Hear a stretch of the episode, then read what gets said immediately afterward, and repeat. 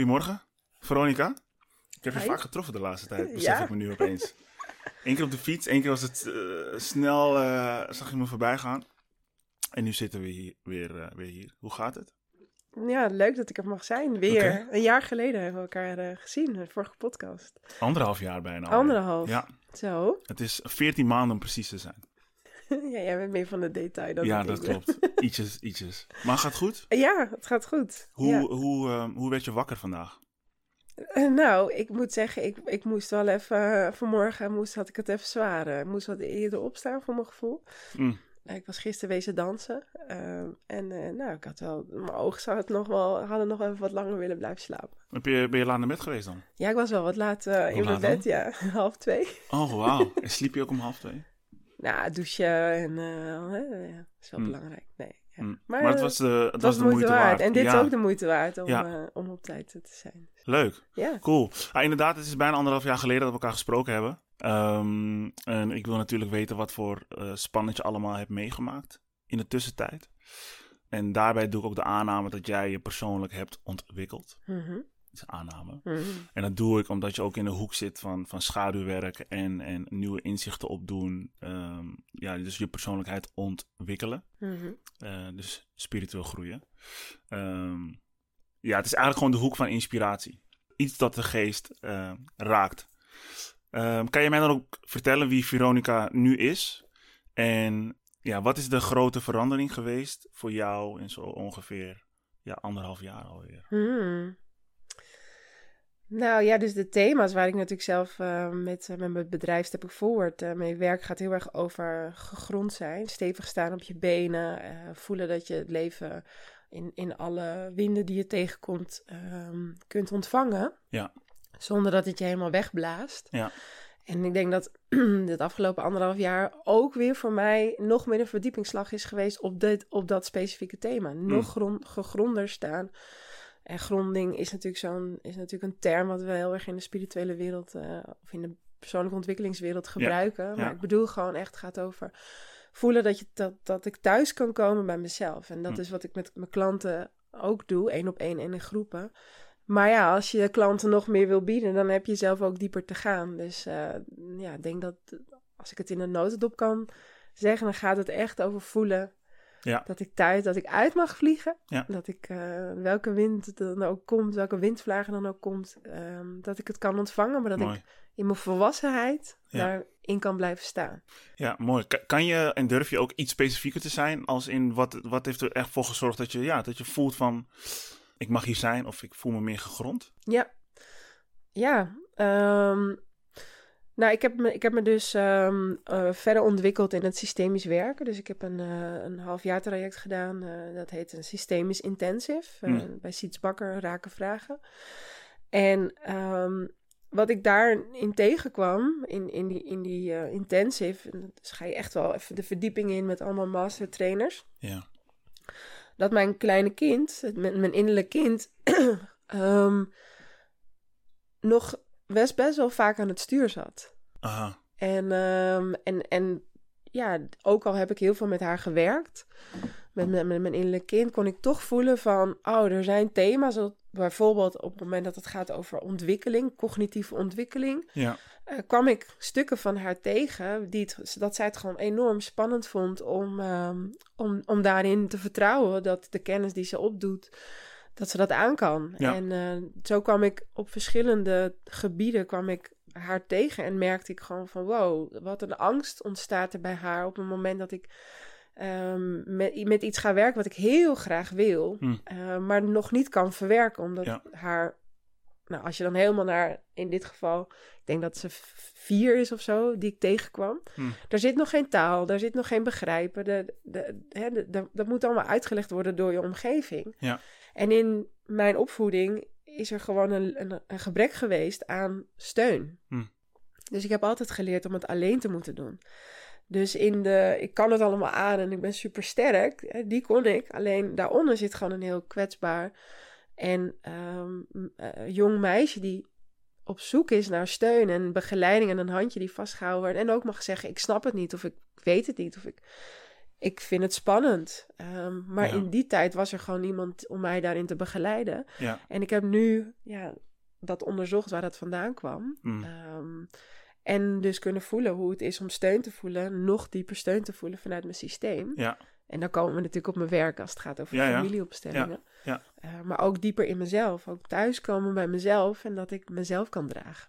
Mooi. Ik vind het mooi dat je, dat je het hebt over het innerlijk kind. Want eh, misschien ook handig om, eh, om het daar heel even over te hebben. Want Ja. het is een term dat iedereen wel kent. Maar wat wordt er precies mee bedoeld? Ja. Maar in, in het voorbeeld dat jij nu geeft, zeg maar. Bedoel je daarin dat ja, als innerlijk kind niet echt steun kon vragen. Mhm. Waardoor jij een soort eh, ja, identiteit hebt opgebouwd. Dat je het gewoon allemaal zelf doet. En dat je Mhm. er misschien in de afgelopen anderhalf jaar in bepaalde situaties terecht bent gekomen. Waarbij je werd gedwongen om steun te vragen. Mhm. Is dat een beetje wat je, Ja. wat je zegt? ja, steun te vragen. En dan, ik vroeg dan wel om steun. Ja. Ehm, maar nu, het ging ook gewoon over dat ik ook accepteer dat zij ook een haar eigen tempo heeft. Mm. Dus ook al vraag ik steun, dan zijn er mensen heel erg bereidwillig om het natuurlijk te helpen. Maar iedereen Mhm. helpt natuurlijk vanuit zijn eigen kennis. En, Mhm. en dat betekent niet dat het per se moet aanslaan bij mij. Dus nog Mhm. steeds voelde ik me soms wel dat ik dacht, maar ik begrijp het nog steeds niet. En Mm. ondanks dat ik zoveel hulp krijg, begrijp ik het Nog eigenlijk nog steeds. steeds niet. Ja. Dus, dus het vroeg van mij om terug te gaan naar het tempo Ja. wat zij nodig had. En dat was gewoon door te zijn met, ik snap het niet. En ik Ja. vind het heel spannend. En ehm, mijn neus zit een beetje dicht. Is oké. Eh, en ik vind het heel spannend. En, eh, en misschien wil ik wel gewoon huilen. En misschien Ja. wil ik wel even helemaal niks. Ja. En misschien wil ik gewoon vastgehouden worden. Dus, het gaat, dus je hebt het over hulp vragen. Maar in dit geval ging het in mijn geval over vragen of ik vastgehouden mag worden. Of Ja. ik geliefd mag worden. Dat het oké was. Dat ik zo was. Zonder dat ik hoefde te veranderen. Mooi. Ja. Ja, hoe je dit zo vertelt, is, dan kan ik me ook heel vaak voorstellen dat als je steun vraagt en krijgt, dat die steun ook komt uit het innerlijk kind van de ander. Mm. En misschien heb je juist op dat moment die steun nodig van eh, de volwassenen. Mm. Want dat is misschien wat het, wat het, het kind, eh, het innerlijk kind toen ook al miste. De steun van de volwassenen, zeg maar. Is Ja. dat ook iets dat je herkent dan? Nou, dus dat wat bij de ander is, dat, dat weet ik niet. Ik, in, in, ik denk ook wel dat soms mensen ook wel vanuit hun volwassen stuk om hulp, eh, om hulp geven. Helemaal als het over kennis gaat. Mm, Ehm, maar in dit geval ging het over gewoon pure aanwezigheid. mm, Gewoon er zijn. En dan hoef je niks. De ander hoeft dus ook niks te doen. En misschien kan dat zijn dat een ander vanuit het innerlijk kind handelt. Ja. Van, oh, hè, laten, we maar, ja, laten we maar heel veel gaan geven. Want dan, eh, maar dat, dat laat ik even bij de ander. Ja, dat snap ik. Maar voor mij ging het echt over gewoon pure aanwezigheid. Ja. En daarmee, en daarmee voelen hoe het is dat ik in mijn verdriet mag zijn als een ander daarbij is. Of eh, eh, in, mijn, in mijn onzekerheid mag zijn als een ander daarbij is. Ja. Zonder dat ik daar meteen van weg moet rennen of meteen moet handelen. Ja. Dus eerst de info tot me laten komen. Daarmee zijn, wat gebeurt er nu eigenlijk met me? Mm, Schiet ik naar mijn hoofd? Ga ik volledig eh, uit mijn lijf? Hè? Ja. Dissociëren noemen we dat. ja, inderdaad. Eh, maar kan ik hierbij blijven? Kan ik stevig in mijn eigen lichaam blijven staan, geworteld, Mm, terwijl het me overkomt? ja. Alleen en soms met een ander. Dus. ja, mooi. Mooie ontwikkeling zo in, eh, in anderhalf jaar. Ja. En dat, ik neem aan dat het jouw werk ook gewoon heel anders maakt. ja, het geeft nog meer een verdiepingsslag, ook ehm, met mijn klanten, met Hm. Ja. de mensen die bij mij komen. Ik vind klant vind ik natuurlijk altijd af en toe een beetje, maar gewoon de mensen die, die hun openstellen. Om Ja. Naar, en dan heb je het over schaduwstukken. Ja, die bereid zijn om naar dat stuk te gaan. Ja. Want het is super spannend. Hm. Maar dat maakt dat, dat je wel het gevoel moet hebben dat de ander die jou ontvangt het ook echt helemaal aan kan. Mm, En dat is wel wat ik, doordat ik nog dieper ben gegaan, kan ik dat ook ontvangen bij mijn klanten. Bij de mensen Interesting. Ja, dus als, als, als, als therapeut, ik, ik, ik weet niet wat ik moet zeggen, coach, Facilitator. facilitator, dat is een mooie. Als faci- faci- facilitator moet je ook ehm, zo goed mogelijk kunnen voelen in je eigen ja, Mhm. lijf. Mhm. Om ruimte te geven aan de emotie of het gevoel dat op dat moment er is. Ja. ja, dus aanwezig zijn vooral. Ja. En maar dan wel weten, de ander kunnen ontvangen met dat. Dus niet weggaan op het moment dat iemand die kwetsbaarheid laat zien. Wat bedoel je met niet weggaan? Ja, dat is een goeie. Dat is voor me, ik ben visueel, dus dan Ja, ja. spreek ik het vanuit. ik ga weg, ga weg, ga de deur uit. Ehm, kijk, je kan, iemand kan kwetsbaar zijn, Ja. maar dan kan het zo dichtbij komen voor jezelf dat je het eigenlijk niet, dat je het eigenlijk niet kan ontvangen. Ja. Dat je daar niet bij kan blijven. Mhm. In stilte of ehm, met de pijn. Omdat het een bepaalde stukken in jouzelf raakt, Ja. eh, bijvoorbeeld. Ja, ik Ja. hem. En we zijn dan gewend om, als het te, heet onder onze voeten wordt, of we gaan naar het hoofd en dan gaan we het rationaliseren en dan gaan we dingen zeggen vanuit het ratio. Ja. Maar soms, het vraagt als facilitator, vind ik, en dat is ook wat ik ook doe met mijn eh, verwacht vraag van mijn eigen coaches, zeg maar, Ja. dat die daar kun, mee kunnen zijn. Ja. En, want anders ga ik weg weer van mezelf. Ja, en dan mooi. ga ik een ander weer pleasen. Ja, maar hoe zie jij dat dan? Hoe... Ja, precies. Ik, dit is precies, precies hetzelfde wat je zegt. Want tegenwoordig, ik zie zoveel eh, coaches en, en eh, iedereen is coach tegenwoordig. Ja. En nu ik dit zo hoor, is het eerste wat bij mij omhoog komt van... je bent eigenlijk alleen maar een, een, een juiste coach... als jij zelf al jouw schaduwstuk of het meeste al hebt gedaan. Want de bedoeling is dat er ruimte moet zijn voor de emotie van de ander. Hm. En als jij je eigen stukken nog niet hebt verwerkt of hebt aangekeken of wat mee hebt gedaan, dan ga je manieren zoeken om die emotie die op dat moment omhoog komt bij de ander, ehm, zeg je dat, te niet te doen of te laten verdwijnen. Hm. Dus je gaat het rationaliseren of je zegt iets waardoor de emotie er niet meer, niet Hm. meer is. Dus Hm. ja, het is wel belangrijk om, eh, ehm, om als coach gewoon je eigen stukken eerst gedaan te hebben. Maar wat je heel veel, denk ik, ook om me, om me heen ziet, is dat mensen, je kan makkelijk kennis opdoen. Je kan makkelijk, als jij bijvoorbeeld geld wilt verdienen eh, met, met kwetsbare onderwerpen, dan kan dat zo. Ehm, maar om echt iemand te coachen, moet je dus, wat jij zegt, die emotie dus ehm, de ruimte kunnen geven. En ik, ik heb een beetje het idee, misschien heb ik het verkeerd, dat mensen gewoon kennis opdoen om maar ehm, hun eigen waarde op te vullen en zo andere mensen te helpen. Zodat ze het pad zelf naar binnen niet hoeven te bewandelen. Hm. Dat is een beetje hoe ik, eh, Hm. hoe ik het voor me zie. Ja, nou, ik vind het ook heel eerlijk hoe je het ook zo durft te verwoorden. Want is, dit, is, dit is ook spannend hè, om te Ja. doen, eh, om, dat, om daar je mening over te geven. En ehm, wat ik dus ehm, daarin ook ja, wel heel erg merk, is dat we dan het gaan bypassen. Hè? Dus we gaan eraan voorbij doordat we het gaan rationaliseren. Precies. En dan lijkt het alsof we daar naartoe zijn gegaan en dat we het cognitief begrijpen. Want we willen het cognitief begrijpen. Eh, Ja. En dat is ook logisch. Dat is, eh, dat, gelukkig hebben we het co- de cognitie om dingen te kunnen begrijpen. Maar Ja. we hebben in ons lijf te zijn Ja, om het te kunnen doorvoelen. En te voelen dat we leven ook. en dat we ja, de winden op alle mooie manieren kunnen ontmoeten. ja, is dat dan voor jou ook het verschil tussen kennis en wijsheid? Mm, Ja, en, en dus ook eh, ja, in contact staan met je intuïtie, met je, met je, met je weg. Het is, het is voor mij veel meer dan... Het is je lijf, het is je, ja, je zijn, je essentie, Ja, eh, de cognitie, je gedachten, eh, je hart. Dat alles mag samenkomen. mooi. Weer in verbinding. Ja. Ehm, ik, eh trouw, bedankt trouwens. Dat is een goede, goed om dat zo mee te krijgen. Dat je, bam. ja, toch? Die persoonlijke ontwikkeling. En jij dan? Want ik ben ook wel benieuwd naar jou. Naar mijn persoonlijke Ja. ontwikkeling. Oeh, interessant. Ehm, ja, dat is. Dat is ehm, ik, ik weet niet of ik iets specifieks kan eh, benoemen. Ik, ik denk dat mijn persoonlijke ontwikkeling veel al eh, wordt versneld door mijn dochter. Hm, Omdat eh, ja, zij natuurlijk eh, ja, heel veel kindstukken in mij raakt. hm, Eh, het, is een, het is een dame die het geluk heeft dat zij eh, eh, ook een moeder heeft waarbij ze gewoon kan leven vanuit haar volle potentie.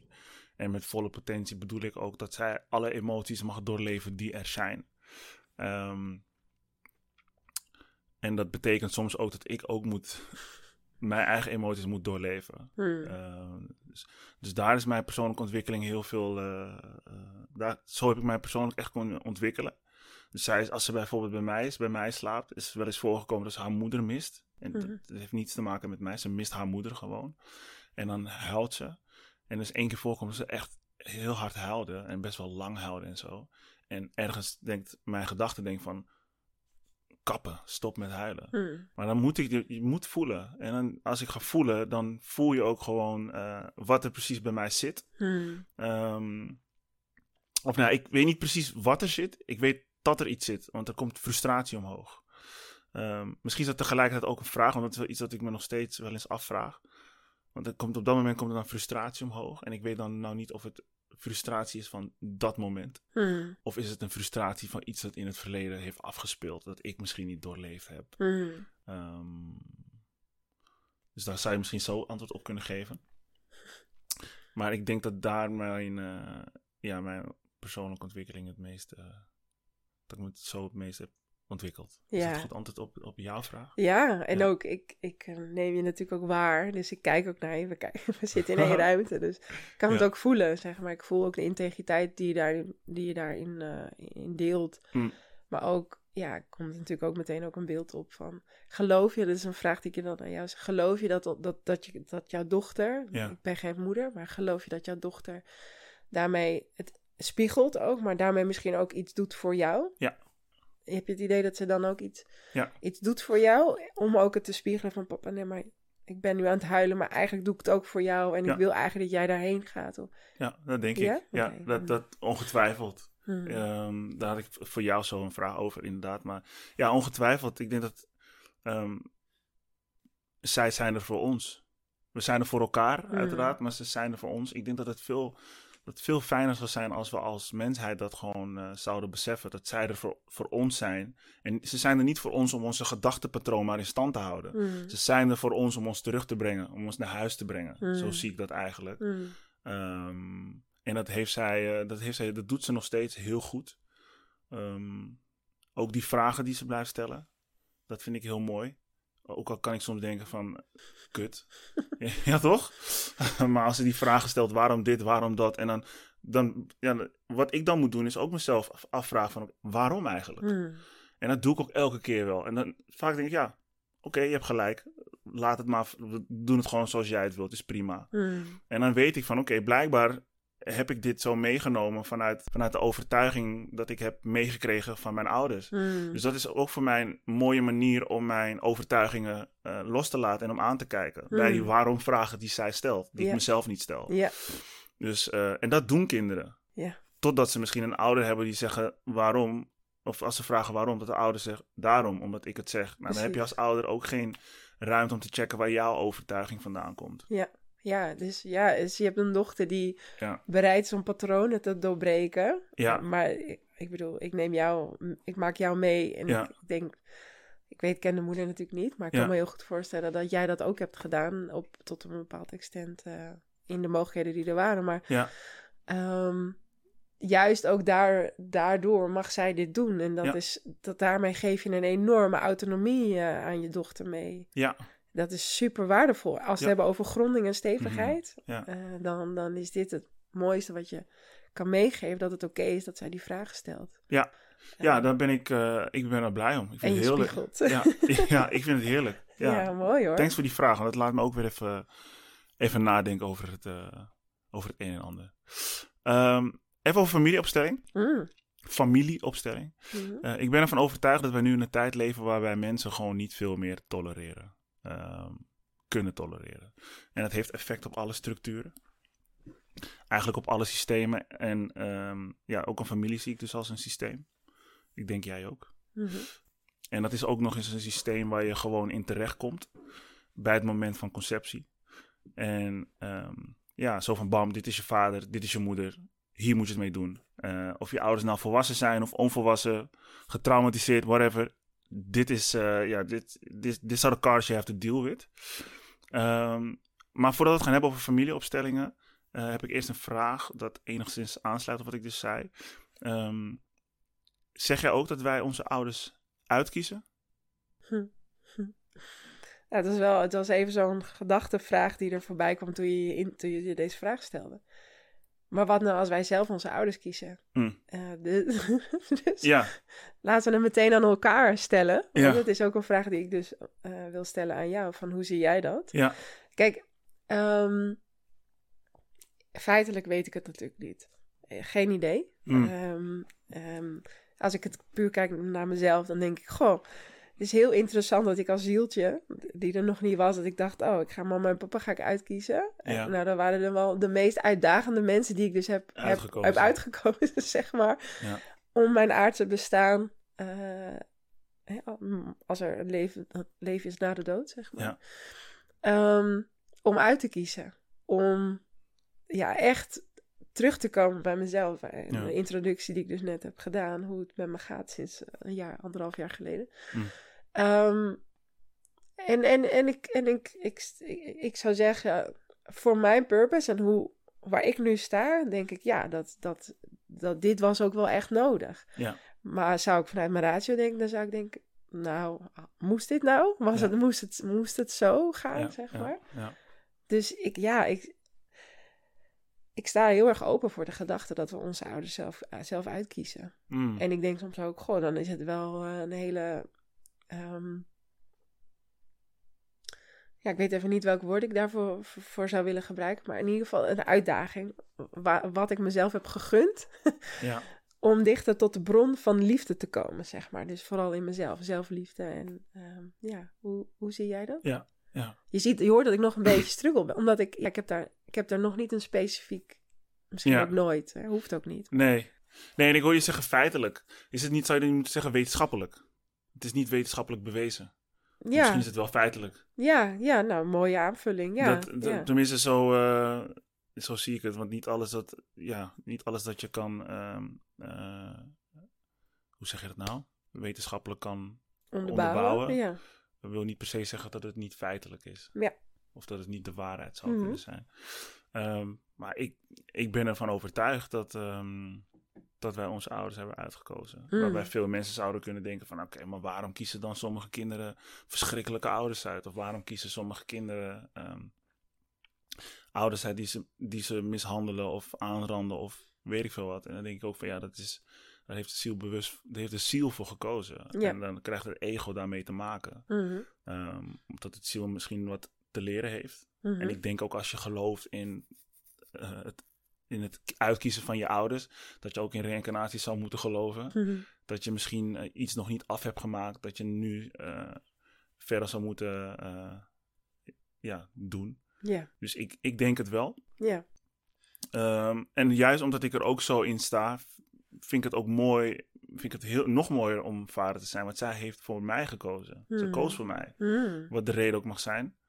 Ehm, dus ja, ik denk wel dat wij onze ouders ja, uitkiezen. Ja, en dan ga ik nog, dan ook nog, eh, dit wordt misschien wel voor de luisteraars eh, helemaal eh, een expansie. Maar denk je dan dat, zou, zou het kunnen zijn dat jij en je dochter elkaar al in een ander leven hebben ontmoet in een andere gedaante? ja, soms denk ik wel dat mijn dochter in een ander leven mijn moeder was. Hmm, Dat denk ik soms wel, ja. hmm, Wat voor vorm dan ook. Maar dus dat denk ik wel. Daar ben ik van overtuigd. Misschien was het mijn moeder, misschien was het een, een zus of whatever. hmm. Maar de manier zoals wij een band hebben, ja, dan is zij wel, eh, ja, dat denk ik wel. Ja. Jij? Ja, ja nou, ik. Kijk, eh, het, het opstellingenwerk, het systemisch werk, brengt daarin een enorme eh, brede, een breed scala aan diversiteit als het gaat over kennis en over eh, het hiernamaals, vorige levens.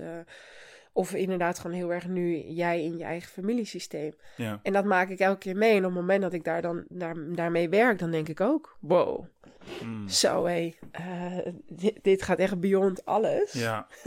ja. En ik maak het mee en het, en het gebeurt echt. En eh, voor de ander is het heel, heel erg logisch te plaatsen en ook gevoelsmatig te plaatsen. En je ziet dat daar letterlijk een beweging ontstaat in de persoon. Ja. Dus het, het, het is voor mij een rijkdom, een, een, aan, een enorme vervulling als ik kijk naar ja, wat het mij brengt om op deze manier naar het leven te kijken. Ja. Maar ja, het is ook oké als, als iemand dat niet heeft. Maar voor Ja. mij, ja, eh, denk ik wel... Oh ja, ik heb echt wel hier iets het te hebben doen, met, met, gedaan te moeten hebben met sommige mensen die op mijn pad zijn gekomen. Om dichter, nou, wat ik net al zei, bij die bron van liefde te komen. Ja. En dat moest echt gebeuren. Dat, Ja. dat, anders had ik nooit die stap gezet. Anders had ik nooit die beweging gemaakt. Mm. Ehm, ja. Mooi. Bedankt eh, voor die vraag. Denk, ja, alles is, alles is verbonden met elkaar ook natuurlijk. En als ik dus, eh, ook omdat ik die numerologie, ehm, eh, Ja. die podcast met, over numerologie heb Dat gehad. was echt vet. Ja, dank je. Ehm, die staat er, hij staat er ook zo in. Dat, dat zou ik wel moeten als een numeroloog. En die vertelt dus ook over hoe mijn dochter heeft gekozen voor mij en voor eh, haar moeder. Hmm. Op basis van haar geboortedatum. Hmm. En waarom ze heeft gekozen voor harmonie en disharmonie. Want dat krijg je gewoon als je woont met gescheiden ouders. Hmm. In haar geval niet zo intens, want we hebben gewoon een, een goede, een goede verstandshouding. Maar ja, kinderen die dus kiezen voor ouders die gescheiden zijn, ja, die, die kiezen bewust voor disharmonie. Dat is iets wat ze willen ervaren, dat is iets wat ze komen ervaren. Hmm. En ik denk als ouder, als je, als je uit gescheiden gezin komt en je bent daar ook bewust van. Dus je bent bijvoorbeeld moeder en je, je voedt het kind niet op samen met de vader in één woning. En je bent er bewust van dat jouw kind hiervoor heeft gekozen. Dan kan je het naar mijn idee ook veel makkelijker accepteren dat dit het leven is voor jouw kind. Ja. En dan zit je niet zo in die emotie en dan ben je ook niet zo mee bezig om te kijken of je toch nog kan herstellen of wrok of whatever. Mhm. Dit is het. Mhm. Dit heb je te accepteren. Mhm. Dus ik denk dat die mindset ook, eh, ook beter zal zijn. I guess. Ja, en ik, ik bewonder ouders ook die op, vanuit liefde met elkaar eh, de liefde kunnen vermenigvuldigen, op welke vorm dan ook. Mm. Ook al zijn ze niet meer samen, dus dat krijgt een andere vorm. Ja, En dat vind, ik- dat vind ik heel knap, want dat, inderdaad, dat gaat dus voorbij eh, het ego, om Ja. het eventjes zo te zeggen. Maar Ja. het gaat heel erg over, kun je kijken naar alles wat samen al een connectie heeft. Ja. Ehm, dus dat bewonder ik alleen maar heel erg eh, Ja. in, in, in partners die dat samen doen. ja. Mooi. Hoe, hoe kijk jij naar het woord eh, familie? Wat, Hmm. wat betekent familie eh, voor jou? Ja, dus in mijn eigen, in mijn eigen leven heeft familie een veel grotere eh, betekenis gekregen. Mm. Ehm, ik kom natuurlijk voort uit mijn ouders. En ik Ja. heb een gezin en dat is mijn biologische familie. Ja. Maar ik heb ook een gekozen familie. Dus als we het hebben over biologisch, dan is dat letterlijk omdat het mijn vader en mijn moeder zijn. Ja. En ik heb eh, hun bloed en ik draag hun DNA en daarmee mezelf, zeg maar. Door dus hun het- door hun ben- heb ik het leven gekregen. Ja. Van hun Ja, heb ik het leven gekregen. Maar ik heb ook een gekozen familie. Hm. Ehm, en ik heb natuurlijk ook twee, twee halfzussen.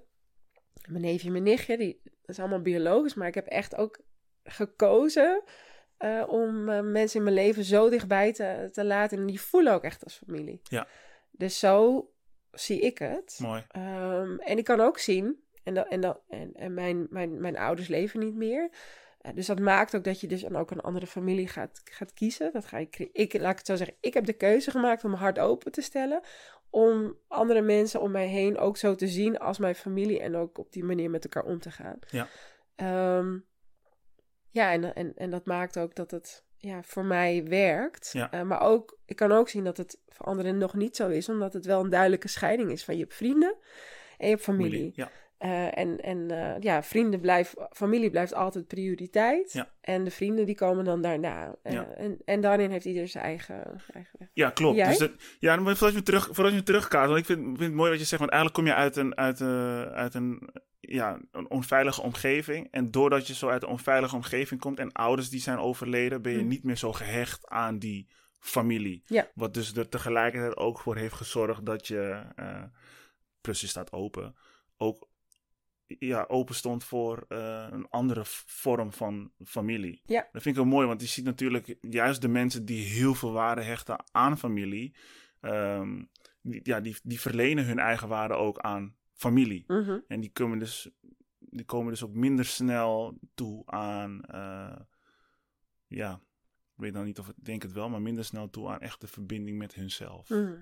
Mhm. Dus het is wel hoe, hoe je kan ook heel negatief kijken naar, jou, naar jouw jeugd. Mhm. Maar jouw jeugd heeft er eigenlijk voor gezorgd dat je des te sneller Mhm. eh, ja, de verbinding hebt kunnen maken met, met jouzelf. Ja, en, en ik moet daar wel, dat heeft ook wel een kanttekening hoor. Want doordat ik natuurlijk eh, ook een, een, een snellere weg naar buiten heb moeten maken. Ja. eh, uit het denkende dat je uit je biologische familiesysteem kunt stappen. Hm. Eh, ben je ook een beetje blind voor wat er, waar je ook vandaan komt, zeg maar. En dan kan je dat misschien ook, kon ik dat ook wel enigszins veroordelen. Of eh, daar hoor ik niet bij. Of dat is niet, dat, hè, de, je gaat op zoek naar iets wat wel veilig is. Mm.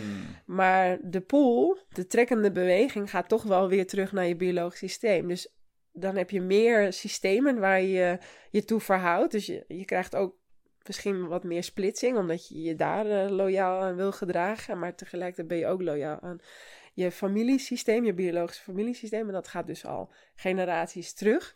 Dus wacht even, dus als je het, als je het veroordeelt, dan, dan word je eigenlijk ehm, eh, teruggetrokken naar, de, naar, naar je biologische familiesysteem. Eh, nou, dus niet zozeer alleen maar veroordeeld, maar je wordt hoe dan ook teruggetrokken naar je biologisch familiesysteem. Oké. Maar ook op het moment dat je je verhoudt tot een ander systeem waar je ook eh, in wil horen of to belong, zeg Ja. maar.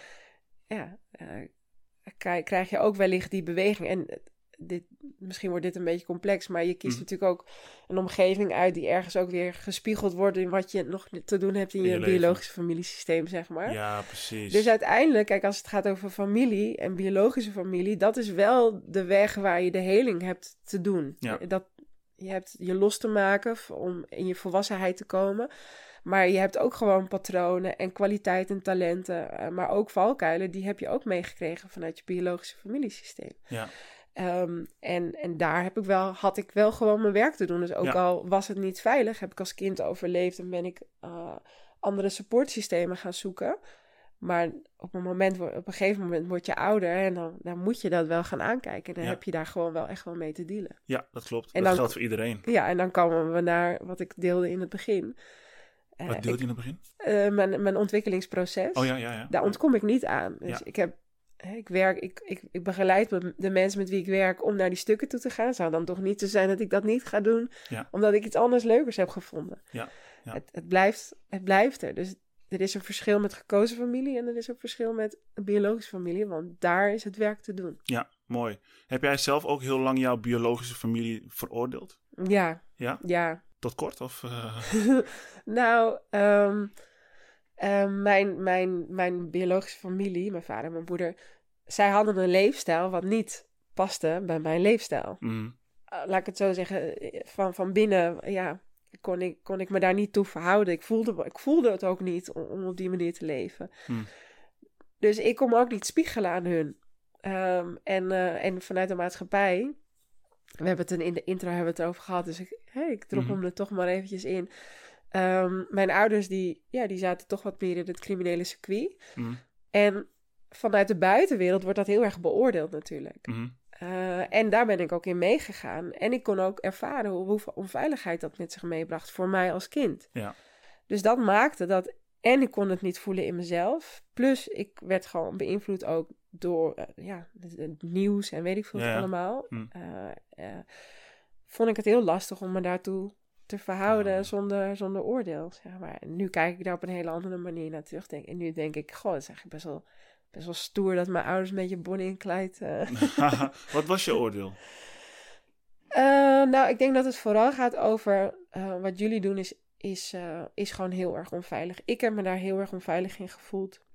En jullie kiezen daarvoor om zoveel onveiligheid te brengen binnen het gezin. Ja. Dat ik daar zoveel last van heb. Ja. En, en, en dat ik daar ook zo, daardoor ook zoveel afstand heb moeten doen van mezelf. Om te, erbij te kunnen blijven. Om te kunnen overleven. Ja, en dus de, de, de kwaliteiten die ik juist bezat en wie maakte wie Veronica is, Hm. daar moest ik afstand van doen. Ik moest delen van mezelf achterlaten om te kunnen overleven en erbij te kunnen horen. Ja. Dus dat was ook een identiteitsconflict van. Ja.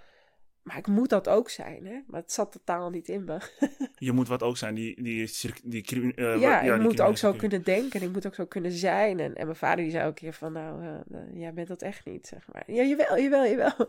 Maar ik, ik ben het ook echt in geen, in, in geen enkel opzicht, zeg maar. Nee, Nee. nee, dat kan ik ook Of niet ben, terug. zijn, dat, zo bedoel ik het niet. Maar... Ja. Bestaat, er, bestaat er zoiets als een familiemens? Ja, mm, ik denk het wel. Ja? Wat Ja. is dat dan?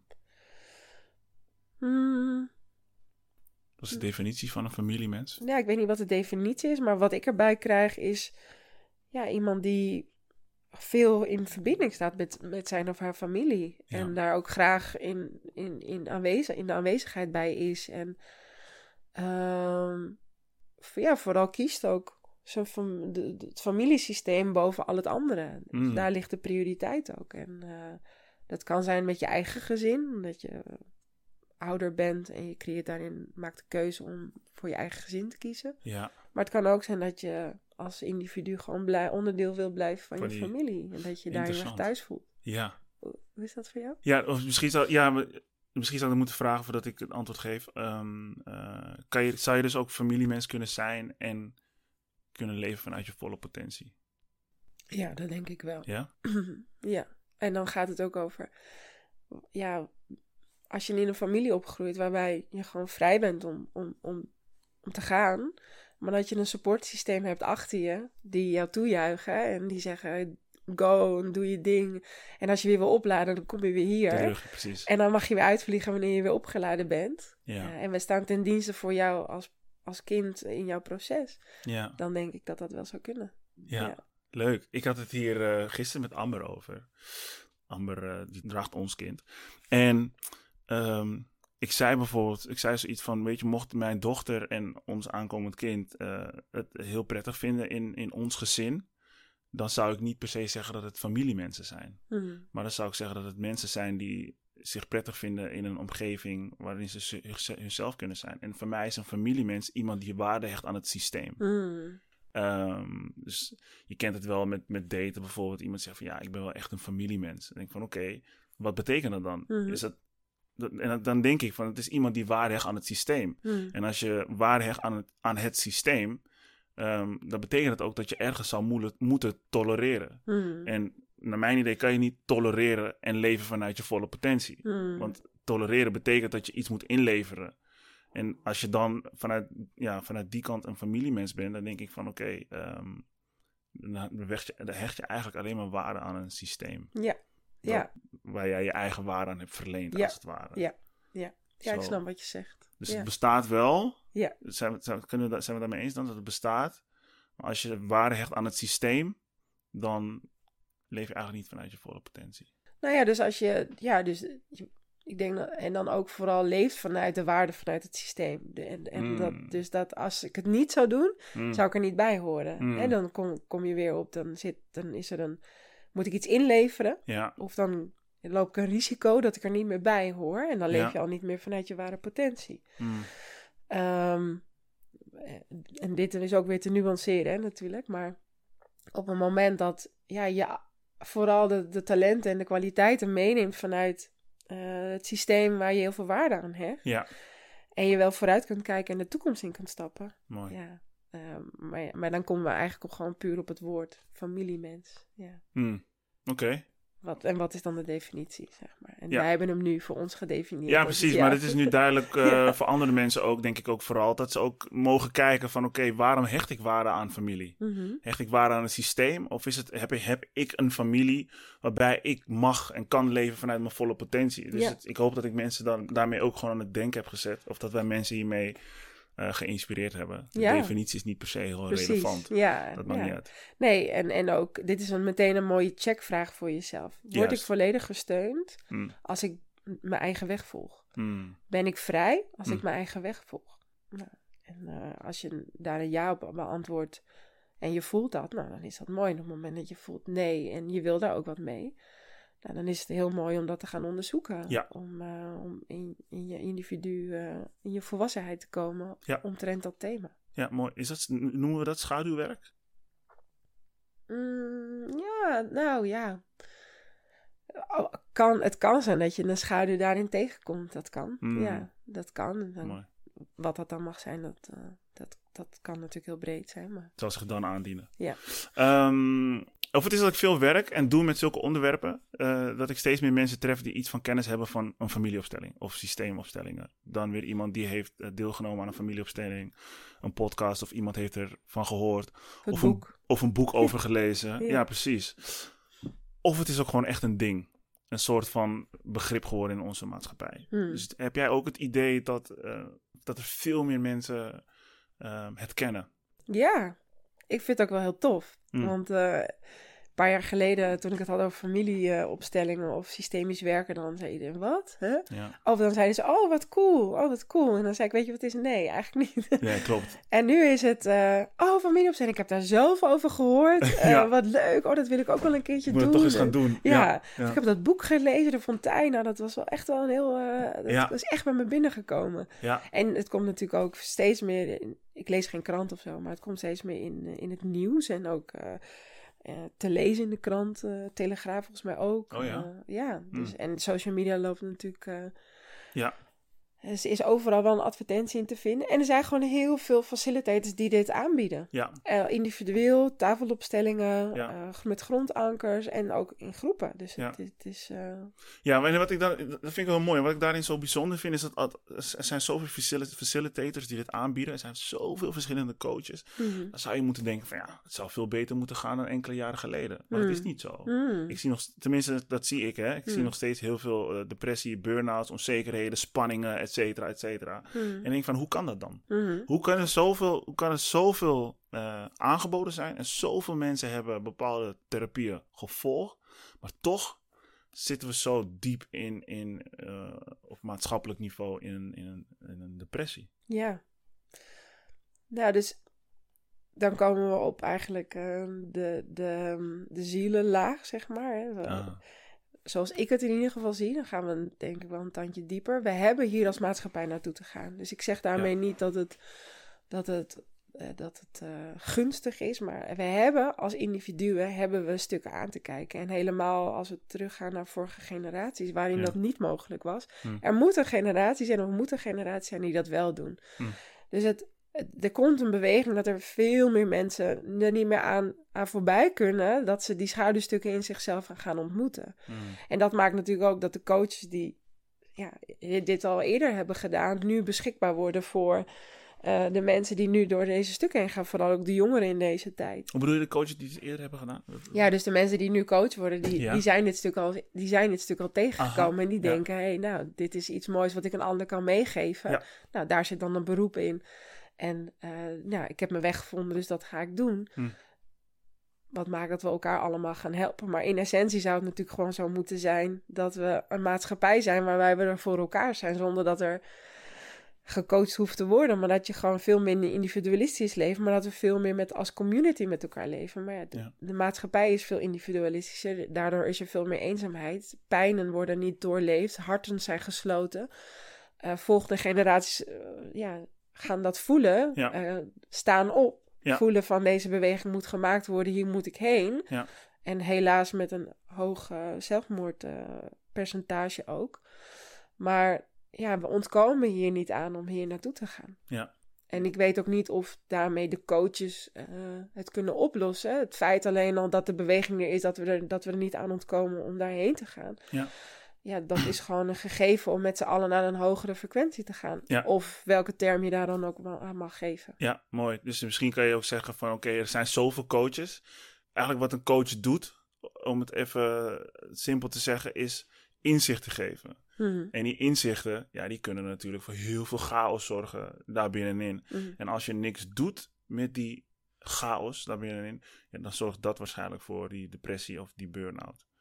Nou, ik weet niet of het. Ik denk dat tenminste, als jij hem linkt aan dat die mensen al eerder bij een coach of psycholoog zijn geweest, Mhm. dan ontmoet je natuurlijk. Je ga, ja, de, de deurtje is open. Dus Mhm. ja, je ontmoet diepere stukken. En Ja. als je het wegduwt, komt het heftiger terug. Ja. Maar los van of ze ooit bij een coach of psycholoog zijn geweest. Want je hebt natuurlijk ook nu de jongere generatie die al steeds op jongere leeftijd depressiever raken. Ja, Ehm, ja, die voelen, of de, het- de beweging is, ik weet niet of ze het voelen, maar die beweging is er dat er geheeld moet worden. En of dat Ja. nou is in hun systeem, omdat papa en mama dat niet kunnen, of opa en oma dat niet konden, of Ja. overgrootopa en oma Ja. dat niet. Er moet een generatie zijn die dat gaat doen. ja, En dat is al heel veel generaties terug, waarbij mijn ouders dat hebben gedaan voor, voor, met hun en hun ouders. En waarbij ik dat doe met mijn ouders ja, jij met jouw ouders, Ja. am- ehm, eh, je dochtertje, sorry, Vee, voor, ehm, voor jou weer. Ja. Hè? Dus ja, zo helen we weer met elkaar. Mooi. Maar we zijn zo individualistisch. En daardoor is er zoveel eenzaamheid en doen we het weer alleen in plaats van dat we het samen doen. Vroeger zat je in een community en dan eh, zat je bij een tribe en dan had je de tante die je hielp en eh, überhaupt alle vrouwen samen die dan de nieuw pas eh, geboren baby helpt opvoeden, de moeder helpt herstellen. En nu ja, is het zo'n red race. Het is Ja. de sneltrein waar je in moet. Go, go, go, go. En ja, het ja. Hm. Dus ik hoop dat we hiermee voor misschien wel of twee generaties of volgende generatie, dat daar veel meer samenhorigheid komt. Hm. Veel meer harten die open gaan. Maar dan moet eerst, dan hebben we dat schaduwstuk aan te kijken. ja. Zo, zo ervaar ik het. Ja, herkenbaar. En hoe zie jij dan de aankomende jaren voor je? Heb je er een beeld bij? Hmm, nou, dus we hebben, hier nog wel, we hebben hier nog wel echt wel een beweging in te maken. En, en dat betekent dus ook dat er, dat er ook mensen zullen komen te overlijden.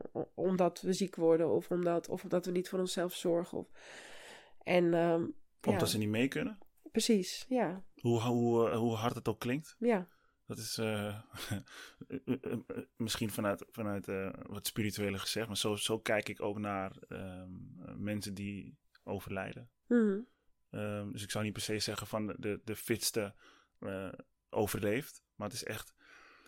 Ik, ik ben ervan overtuigd dat sommige mensen ook gewoon komen te overlijden. omdat zij niet in lijn staan met de natuur. Mm. Waardoor ik zoiets heb van ja, dan is het ook gewoon jouw tijd om te gaan. Want mm. de aarde verhoogt zijn frequentie. Mm -hmm. En als jij niet in lijn staat met de natuur, zeker in deze tijd, dan ga je ook gewoon veel sneller eraan. -hmm. Um, en omdat ook de aarde dus zijn frequentie verhoogt, wij staan erop, -hmm. wij verhogen onze frequentie. Um, je moet mee. -hmm. Je, bent, je wordt eigenlijk in deze tijd word je gedwongen om naar binnen te gaan. Mhm. Dat is een beetje wat er naar mijn idee uh, gebeurt. Ja, en dus, en dus, dus hier sluit ik me bij aan. Want, um, ondanks, ik kan me voorstellen dat dat misschien voor sommige luisteraars, dat, ja, dat vraagt echt eventjes uh, stevig staan op je eigen benen, hè, om ja. dit te kunnen verwerken. Want eens je kan nu ook denken van, oh, mijn moeder heeft net dit Ja. opgelopen, what the fuck. Ja, Precies. of een klein kindje, klein babytje die net uh, geboren is, of, of die het leven niet verder mag, mag doorleven, zeg maar. Dus dan krijg je misschien al die gedachten. Ja. Ehm, maar de dood is er altijd. En, en, ik, en ik zie dat we onszelf soort van immortal willen maken. We willen ons onsterfelijk maken, maar dat zijn we niet. De Mm. dood staat altijd naast het leven. Hmm. En, en, ja, en, en, en soms kom je dus gewoon niet meer mee. En dus het is de tijd daar. Hmm. Uh, maar als, we, als ik kijk naar het collectief, dan hebben we gewoon uh, een, daarin een volgende slag te maken. Ja. Um, en daar kunnen mensen in mee. En daar kunnen ook sommige zielen kunnen daarin mee en sommige niet. En, Ja. en die gaan dan weer verder, als, Ja. Als dat zo is. Ja, die snap ik. En dan denk ik inderdaad dat door het minder uh, tolerant zijn, dat wij dus eigenlijk die kraan ook dicht doen die, dus voor mensen die onze tolerantie nodig hebben. Hmm. Ik ben er, ik, ik had laatst, ik ben, misschien een vraag die ik jou ook kan stellen, ik weet niet voorbij hebt zien komen op Instagram. Ik stelde de vraag, is loyaal zijn aan een ander een vorm van liefde of een vorm van egoïsme? Hmm. En uh, ja, wat is je antwoord op die vraag? Nou, toevallig heb ik laatst die vraag ook zelf gekregen door, van, van mijn eigen coach, zeg maar. Ah. Um, nou ja, dus, het, dus zoals ik hem bekijk, zoals ik hem interpreteer, gaat, gaat de vraag over: ben je helemaal bereid om te leven voor je eigen purpose, je eigen pad, je eigen grotere goed, zeg maar. Mm -hmm. En als je dat niet doet, dan maak je een andere beweging. Dus dat betekent dus dat je iets van jezelf niet volledig in zijn potentie zet voor een ander. Mm -hmm. Of je daarmee dan egoïstisch bent, dat, dat, ja, daar kan ik niet de woorden, weet ik niet, zeg maar. Mm -hmm. Maar ik kon wel voelen in dat moment van, oh nee, nee, als ik dat doe inderdaad, dan ga ik niet voor mijn volledige potentie. Terwijl ik hier kom in die coachsessie om dat juist wel te doen. Dus dat was wel even een goed reflectiemoment van... Oh ja, nee, ik heb echt te kiezen voor die jaar voor mezelf... om helemaal in mijn levenskracht te kunnen gaan staan. Mm -hmm. um, ja, en toen kon ik voelen... Dit is toch echt een ja naar mezelf. Ja. Uh, maar of dat egoïstisch is, ja, dat, ja, ik geef hem meteen terug. Ik geef wel veel terug vandaag, nee, maar ik ben wel benieuwd. Dat vind ik wel leuk, dat komt ook niet vaak voor. Uh, maar ik heb, mag ik hem teruggeven? Ik heb nog oh. steeds geen antwoord op de vraag. Dan oh ja, toch? nou, dus of het egoïstisch weet ik niet, maar ik kan ah. wel voelen van... Je hebt wel echt die ja te zeggen aan jezelf. Ja, ja, oké. Okay. uh, ja, 94% van, de, van mijn volgers zeiden dat um, loyaal zijn aan een ander een vorm van liefde is. Mm. 6% zei dat het een vorm van egoïsme is. En ik vind ook dat het een vorm van egoïsme is. Mm -hmm. Want wat, je, wat er naar mijn idee ook gebeurt, is dat je ook het spiritueel proces van een ander blokkeert. Mm. Door loyaal te zijn aan een ander. Want je houdt die kraan open. Dus, um, en ook voor mezelf natuurlijk. Dus zodra iemand van mij vraagt om uh, verantwoordelijkheden te dragen voor ja, diegene's gemoedstoestand, mm -hmm. dan. Um, en als ik dat doe, dan kies ik ten eerste niet voor mijzelf, want mm. ik ben loyaal aan de ander. Um, en dat is wat het ego wilt. Um, de spanning ontwijken. En alles wat het ego wilt, valt voor mij onder egoïsme. Want mm. je volgt het pad van het ego. En je bent ook egoïstisch, want je geeft de ander geen ruimte om het pad naar binnen te bewandelen. Dus als iemand iets van mij vraagt en ik zeg altijd ja en ik voel geen ja, dan luister ik niet naar mezelf Mm. en ik, ik, ik pak verantwoordelijkheden van die anderen af. Dus voor mij is loyaal zijn aan een ander uh, ja, wel een vorm van egoïsme. Want je doet het alleen om je eigen identiteit in stand te houden. Ja. En zo kijk ik ook naar uh, liefdesrelaties. Mm. Dus daarom vind ik het zelf ook lastig om iemand mijn vriendin te noemen. Want ook Mm. dan um, is dat egoïstisch. Ja, ja, ja. Zo kijk Ja. ik naar. Uh, Ja. Ja, dus dit, wij hebben ook uh, tussendoor af en toe hebben wij uh, app-contact uh, en dan spreken we wat berichtjes bij elkaar in. En ik was klopt. heel erg benieuwd naar dit antwoord en nu heb ik hem, te pakken. heb ik hem te pakken. Ja, Ja. ja het is, nou dus, hè, dus eigenlijk zeggen we hetzelfde, alleen jij definieert het meer in woorden, zeg maar. Dus, Ja. dus, die, dus die ja naar jezelf betekent dus ook dat je je schuldig hebt te maken. Ben je bereid om, om dader te zijn of schuld te hebben dat een ander daar inderdaad niet blij mee is. Ja. En dat je dus het risico loopt dat de Ja. vriendschap beëindigt of de, het liefdesstuk wat je samen bewandelt. Ja. En ben je dus bereid om ja te zeggen tegen je eigen levenskracht. Ja. Eh, En dan, en dan zou ik dan niet, dan zou ik niet zeggen, ben ik bereid om dader te zijn, want ik ben geen dader. Mm. Maar ik word, ben ik bereid om als dader gezien te worden. precies, ja. En, eh, en als, je, ja, als je goed voelt in jezelf, dan ben je bereid om gezien te worden zoals iemand dat wilt zien. Want het is degene zijn perspectief. Ja. Op basis van de informatie die die persoon heeft eh, gedownload, Ja. om het zo te zeggen. Ja. Dus, maar we zeggen, Ja, we zeggen inderdaad hetzelfde. En ik denk dat we in deze tijd daar ook veel, steeds meer naartoe gaan. Ik zie veel meer mensen die contacten verbreken met mensen die, niet, die ze geen energie meer geven. ehm, werkrelaties die uit elkaar gaan. Mhm. eh, allerlei ja, structuren vallen gewoon, eh, vallen gewoon om. ja, Dus ik ben benieuwd hoe, eh, hoe de toekomst zich zal ontvouwen. ja. Nou, ja, en ik hoop dus wel dat het meer naar een collectief toe gaat, meer naar een samen. Maar wel dus inderdaad dat, eh, om even in de term eh, frequentie te blijven, wel dat we de, de frequentie van elkaar kunnen verhogen ook. Dus van jezelf. En doordat Ja. je het zelf doet en dat je daarmee weer gelijkgestemd iemand ontmoet, Ja. dat je elkaar weer uplift en dat dat veel meer vanuit een samen mag. Ja, en vanuit, vanuit daar verbinden. Ja, Dus door in verbinding staan met jezelf. En dan kom je vanzelf wel. eh, ja, het is een spiegel. Ja. Het universum. En nou, systemisch werken, dat geeft heel veel inzichten. Oh ja, we gingen het over We systeem. hadden het over familieopstellingen natuurlijk. we hadden geen onderwerp voor vandaag, hè? Maar dat is wel jouw, jouw, ehm, eh, jouw richting, of waar jij mee bezig bent. Maar goed, het systeem, systemisch werken helpt mensen dus om inzicht te krijgen in de familiepatronen. Mhm, In de familiedynamieken. Het brengt eigenlijk gewoon een hele hoop aan het licht. mhm. Uh, en is ook bij jezelf, dus bij de vraagsteller. En uh, nou, we hebben het een beetje over gehad, maar krijgen we ook nog een beetje het gevoel erbij dat er zoveel aan het licht komt. Dat een vraagsteller nu dus ook het gevoel heeft om zijn destructieve patronen te rechtvaardigen. Omdat de vraagsteller nu duidelijk heeft waar bepaalde uh, ja, overtuigingen vandaan komen. Op het moment dat ze de opstelling hebben gehad, bedoel je? Juist, Ja. ja. En als je niks doet met al die inzichten, dan is er eigenlijk alleen maar licht op geschenen. Ja. En dat is ook een beetje wat ik bedoel met.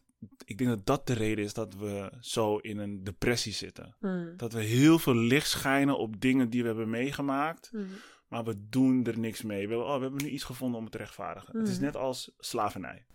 Als, als wij Surinaamse boeken gaan lezen over slavernij. Oh, ik heb nu een gevoel gevonden over. Ik heb nu een reden waarom ik uh, mag rechtvaardigen, waarom ik me zo voel. Mm. Um, zie je dat ook zo terug in, in de familieopstellingen? Um, ik moet even ja, gewoon goed voelen um, wat ik daarover, of ik daar iets over kan vertellen. Kijk, het, een, wat ik je hoor zeggen ook is een opstelling. Laat, laat inderdaad iets, geeft, geeft inzicht. Ja. Laat licht schijnen op uh, dat, de stap die je hebt te zetten. De volgende stap, de volgende beweging. En uiteindelijk heb je, oh dankjewel. Uiteindelijk heb je de beweging zelf te maken. En je hebt daarin ook stappen te zetten. Um, vanuit jezelf. En dan kom je pas echt tegen wat je steeds weer tegenkomt. En ben je dan bereid om dan de vraag die je je voorstelde, om dan die wie ja te zeggen op die levenskracht, op, die eigen, op, die, op je eigen autonome weg. Zeg ja, maar. ja. maar daar heb je inderdaad wel echt iets zelf in te doen. Of Ja. met een coach, of met uh, je, ja, gewoon het gesprek te voeren met je vader, waar misschien wel iets in is gebeurd. Of, en dan heb je jezelf accountable te houden. En dan komen we op het volwassen stuk. Dus je hebt Mhm. al vanuit het volwassen perspectief Ja. naar jezelf als het innerlijke kind te kijken. Om te kijken, wat heb ik nodig? Wat had het kind nodig? Wat had ik zelf nodig? Ja. Om die beweging te kunnen zetten. Dus Ja. ja, het, het is niet doordat een opstelling is. Het is een quick fix, bam, poe, pat, eh, leuk. eh, ik kan, het, is nu voor me gedaan, ik hoef niks te doen. Ja. Nee, soms heb je te rouwen. Soms heb je naar de pijn toe te gaan. Ja. Eh, maar soms heb je ook gewoon daadkracht, eh, daadkrachtige keuzes te maken om te zeggen: ik ga niet meer Ja. naar die ex toe. Of ehm, eh, ik ga mijn baan opzeggen omdat ik veel meer vanuit mijn eigen purpose wil leven, vanuit Ja. mijn, mijn zielsmissie wil leven. Ja. Eh, ja, en dan pas begint het werk. Dan Ja. pas kom je jezelf tegen. Of heb je, ja. Is dat een beetje. Ja, dat denk Ja? ik wel. Dus je moet wel echt, echt eh, aan de slag met, met, die, met die inzichten. En eh, dat is misschien ook weer een aanname dat ik het gevoel heb dat wij, en ook, ook ik ben zo geweest, misschien onbewust nog steeds, dat we gewoon ehm, naar een coach gaan. Fix me even dan. Mhm. Fix me even, dan hoef ik niks te doen. Ja. Dat is het idee dat ik een beetje heb. Dus zijn er bijvoorbeeld ook ehm, eh, ja, handvatten die jij meegeeft bij al die inzichten die een vraagsteller heeft eh, eh, gekregen? Ja, dus tijdens een opstelling of één op één of in, in groepen of in de coaching eh, komt iets aan het licht. En daarin wordt er met de, de vraagsteller of de persoon die, die bij mij in coaching komt, Ja, ehm, ja, wordt er gekeken van wat is, het, wat is hetgene wat jij zou kunnen doen. Dus wat voelt het meeste dichtbij? En dan gaan we weer terug naar het innerlijk kind. Wat zou jouw innerlijk kind aankunnen in de volgende stap? mooi. En soms zit daar geen weten op. Want soms is het kind zo klein, zo jong, eh, met zo weinig woorden, dat, dat daar gewoon een setje voor nodig is. En dan gaan we daar samen, gaan we daarover naar kijken van wat is er nodig. Maar je krijgt Ja. altijd een, een inzicht. En, en soms is het, je gaat, dus nu moet je niks doen. En nu heb je hier mee te zijn en heb je te rouwen Mhm. over iets waar je heel lang niet al over hebt gerouwd. Ja, En soms is het eh, oké, dus. Want met een opstelling is het ook zo dat het perspectief, het verhaal wat je zelf altijd hebt, hebt verteld, verandert opeens, omdat er een 360 graden blik overheen Ja. komt, zeg Ja. maar. En, maar dan gaat het over, hou ik me nog steeds vast aan het verhaal wat ik daarvoor had? Of ben ik bereid om naar een ander verhaal te kijken? En dan heb ik die beweging te maken en dan heb ik bijvoorbeeld dat gesprek te voeren met, die, met mijn vader of met die moeder of met... Of eh, dan heb ik misschien wel mijn vader of moeder uit te nodigen om vanuit inspiratie samen te gaan werken. Of dan heb ik met mijn leidinggevende dat gesprek Ja. te maken. En we willen heel graag dat een ander een beweging maakt. Maar uiteindelijk hebben we zelf altijd de beweging te maken. En daar Ja. kijk, ik- kijk ik dan... mooi. Ik denk dat alle facilitators dat wel doen, maar ja... Tenminste, dat gun ik de, de, de, De- vraagsteller. Ja, precies. Ja. Dus ik Ligt ga er ook- ervan uit dat het zo werkt. Ja. Maar eh, ja, Ligt er maar aan vanuit welke intentie en facilitator bent. ja. Ehm, maar de klant en de, de, de, persoon is in, heeft, heeft de eigen regie. Het Ja, gaat vanuit mooi. degene zelf. Ja. Komt vanuit degene zelf. Ja, ehm, maar wat is, een, wat is dan een, een standaardvraag dat een vraagsteller heeft? Dus een, een vraagsteller kan een vraag hebben, maar jij kan zeg maar al zien van oké, het komt uit dit vaatje. Snap je wat ik bedoel? Hmm. Ja, ehm, niet altijd. Oké, Nee, dus daarom, daarom vind ik het opstellingenwerk. Kijk, het gaat. De, de mensen die bij mij komen, ik werk eigenlijk altijd met het verlangen. Dus eh, eh, doordat je met een verlangen werkt, dus als ik zou vragen van als het morgen anders is, wat is er dan anders? Als het er wel zou zijn, wat is er dan anders? Wat zou Ja. dan je verlangen zijn? ja. Dat geeft al een perspectief op dat er een mogelijkheid is dat er iets nieuws zou kunnen komen of iets anders zou kunnen komen. Of dat, Mm. er, dat er ruimte komt om te gaan kijken naar de toekomst. In plaats van, dit is mijn probleem en dan zet ik het vast. Aha. Dus ik kijk vanuit het verlangen. En daarmee onderzoek ik wel met de persoon of diegene er ten eerste aan toe is, of de tijd klopt, de timing klopt om daarmee aan de slag te gaan. Om die verlangen te hebben. Ja, om, en om, omdat iemand zelf ook bereid is om, om, in die, om die stap te zetten. Ja. Maar soms ho- hoef je het ook niet eens op te stellen. Soms is er alleen al genoeg om in die aanwezigheid te zijn. En Hmm. door, doordat iemand het verlangen uitspreekt en daarmee zijn eigen of haar eigen pijn kan, kan voelen. En er, en er ontstaan komen tranen of, eh, en, en, en, en dan is dat het al. Ja. Alleen dan door contact te kunnen maken met het verlangen. En soms komt dan die beweging vanzelf wel. Hmm. Ehm, Ik ben even je vraag kwijt. Kan je, kan je nee, wat, wat een standaardvraag is van een vraag, Oh, ja. kan je in dit geval een voorbeeld geven van een verlangen? Ja, Om het wat tastbaarder te maken. Ja, dus mensen komen bij mij met de vraag: eh, ik zou ehm, wat steviger in mijn, op, mijn, op mijn benen willen kunnen staan. Ik zou willen voelen dat ik, ehm, ehm, dat ik niet zo eenzaam ben. Oké, Dus dat ik meer, dat ik meer Dat verbinding kan staan met andere mensen. ja. Of ehm, ik, ik heb een depressief verleden bijvoorbeeld. En ik zou me veel meer veel vrolijker willen kunnen voelen. Veel Ja. meer mijn hart kunnen voelen. Ik zou in verbinding willen kunnen staan. met mijn geliefde. Eh, Ja. Of ik zou überhaupt relaties aan willen kunnen gaan. Ja. Ehm, maar ook ik wil rust en, en ehm, kracht kunnen ervaren op het moment dat ik op mezelf moet vertrouwen. Of ik Ja. zou meer zelfvertrouwen willen. Laten we eens één, één, kunnen we eens even één verlangen pakken? En, en dan even, even kort iets, iets dieper daarop ingaan. Dus eh, bijvoorbeeld eh, de verlangen van ik wil me minder eenzaam voelen. Ja. Ik kom als vraag stellen naar je toe van hey, ik wil me wat minder eh, eenzaam voelen. Wat is dan de volgende stap? Wat, wat neem je dan? Ja, dus dan ga ik met de persoon ga ik onderzoeken. Ja, Ehm, bij mij op, de web, op mijn website kunnen mensen gratis een, eh, een genogram maken. Een genogram is een inzicht over je familiesysteem. En de, de feitelijke patronen die hebben plaatsgevonden Ja. al meerdere malen in je geschiedenis. En, en daar staat een vragenlijst bij, die kunnen ze dan beantwoorden. Ehm, dus ik vraag de persoon altijd om een genogram te maken. Maar ook, nou, wat, wat zou het je opleveren? Hoe zou het eruit zien op het moment dat, dat je minder eenzaam bent? Dus waar wil je specifiek minder eenzaam op zijn? Dus ik ga het onderzoek met die persoon Mooi.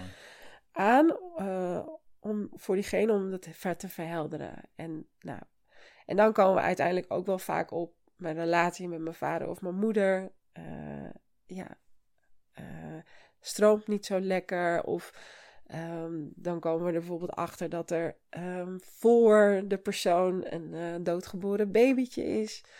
En dat daarvoor al broers en zussen waren. Dus dat iemand, het, het jongste kind, die dan hier bijvoorbeeld is, eh, binnen is gekomen in een gezin wat al helemaal draaiende was en al helemaal leefde. En helemaal samen al hun plek hadden gevonden. En daar zat rouw, daarvoor zit dan rouw. En het is moeilijk voor de persoon om dan nog te kunnen verbinden met het gezin.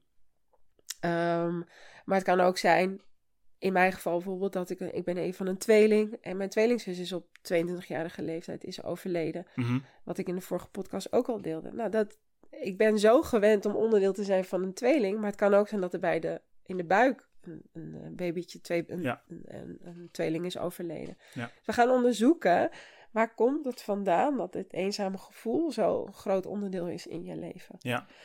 Nou, en ik kan daar niet nu, je merkt al, ik kan alle lijnen Ja, ja. ingaan. Hè? Dus, ehm, maar ja, de essentie is dat we gaan kijken naar de persoon, het systeem van die persoon en de verbinding daarmee met de persoon en de feitelijke gebeurtenissen die hebben plaatsgevonden. Ja.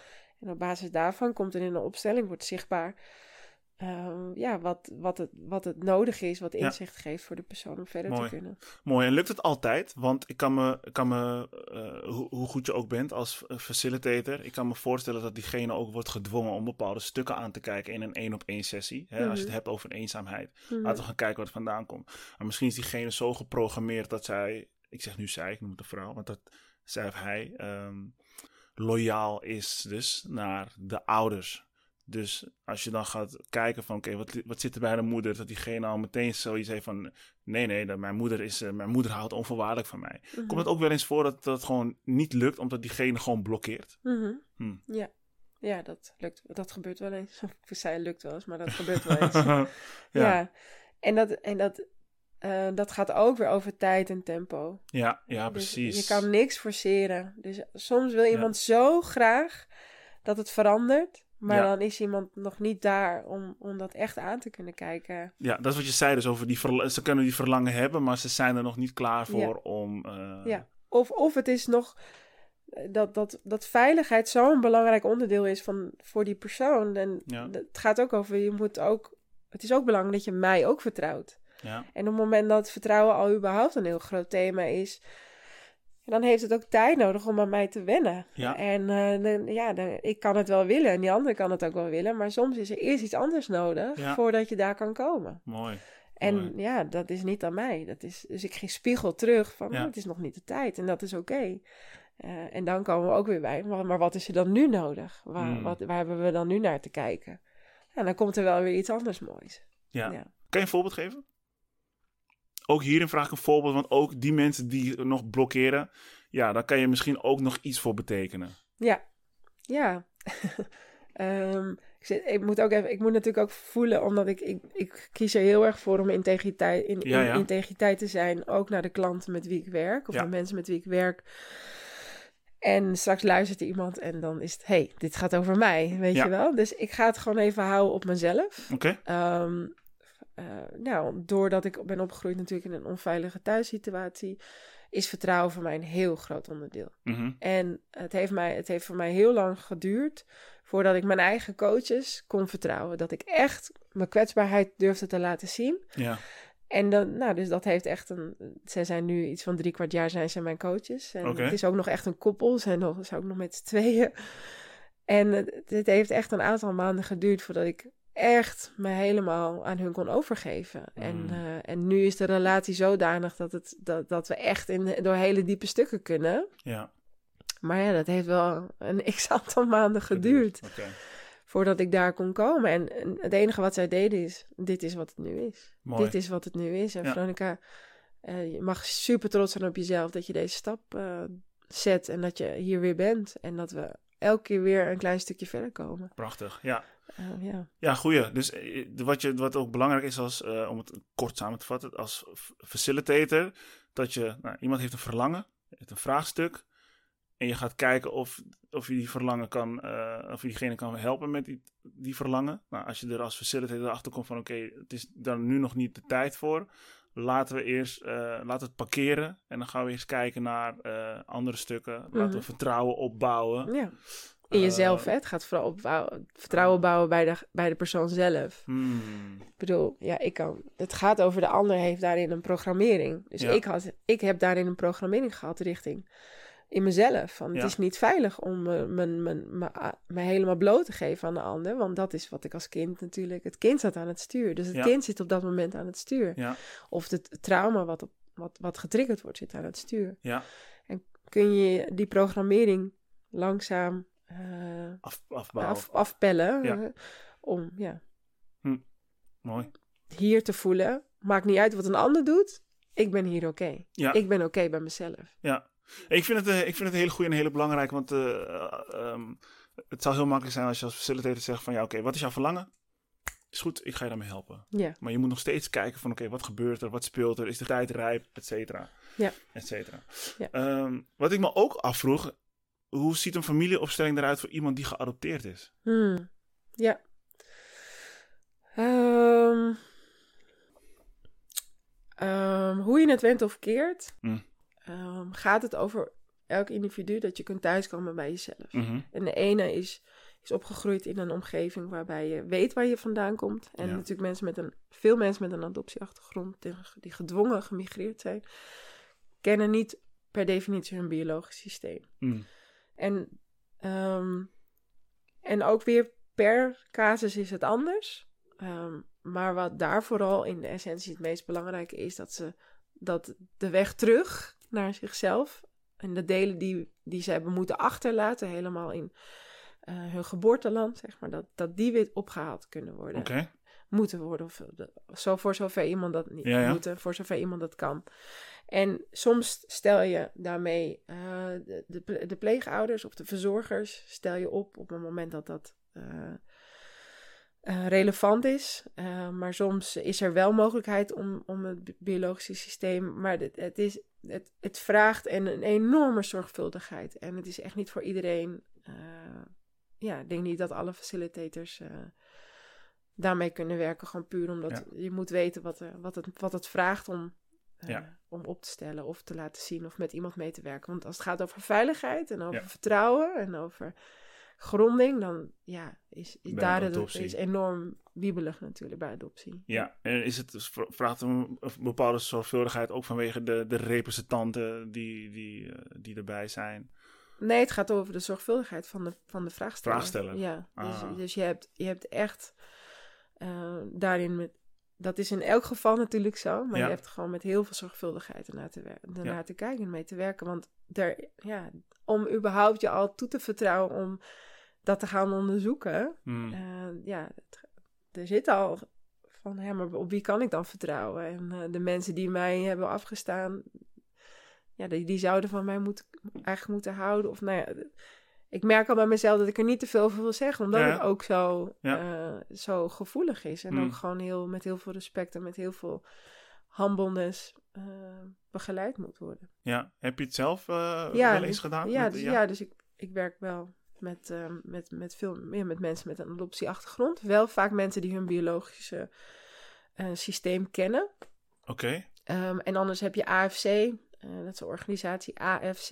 Mhm. Dat is een organisatie eh, geadopteerde facilitators die met geadopteerden werken. Oké. En eh Hilbrand Westra is daar eh, opzetter van. En hij is ook een van de, ja, de coaches die vooral op, op, op deze thema's ook heel veel kennis heeft. Oké. Dus die coaches zijn ook door hem opgeleid. Oh, dat wist ik niet. Wat goed dat dit er is. Ja, ja, dus dat is, ja, dus daar, als, als ik voel van, oh ja, dit, ja, die, hier kan ik niet mee werken, dus beter van niet, dan stuur ik ze sowieso altijd daar naartoe. Ja, mooi. Ja, Wat goed dat dit er is, zeg. Ja, Zo. ja, Cool. ja. Ik denk vooral voor eh, eh, adoptiekinderen zitten, wat jij zegt, vertrouwen is echt een thema. mhm. Veiligheid, vertrouwen. Ja, die twee dingen. En dan fijn dat zij ook een, eh, een vorm van ja, therapie Mhm. hebben om toch inzicht te krijgen over hun eigen stukken. Ze zullen er meer vormen zijn natuurlijk. Ja, en ze hebben het zelf ook doorgaan, hè? Dus ze hebben het zelf ondergaan. Hoe bedoel je ondergaan? Ze, zij zijn zelf geadopteerd. Ja, en ze ja. hebben zelf dat, het hele persoonlijk ontwikkelingsproces gehad en doorleefd. En zijn er natuurlijk nog steeds mee bezig, want het is een thema voor life. En dat is voor mij ook een thema voor life, gewoon Ja. wie ik ben.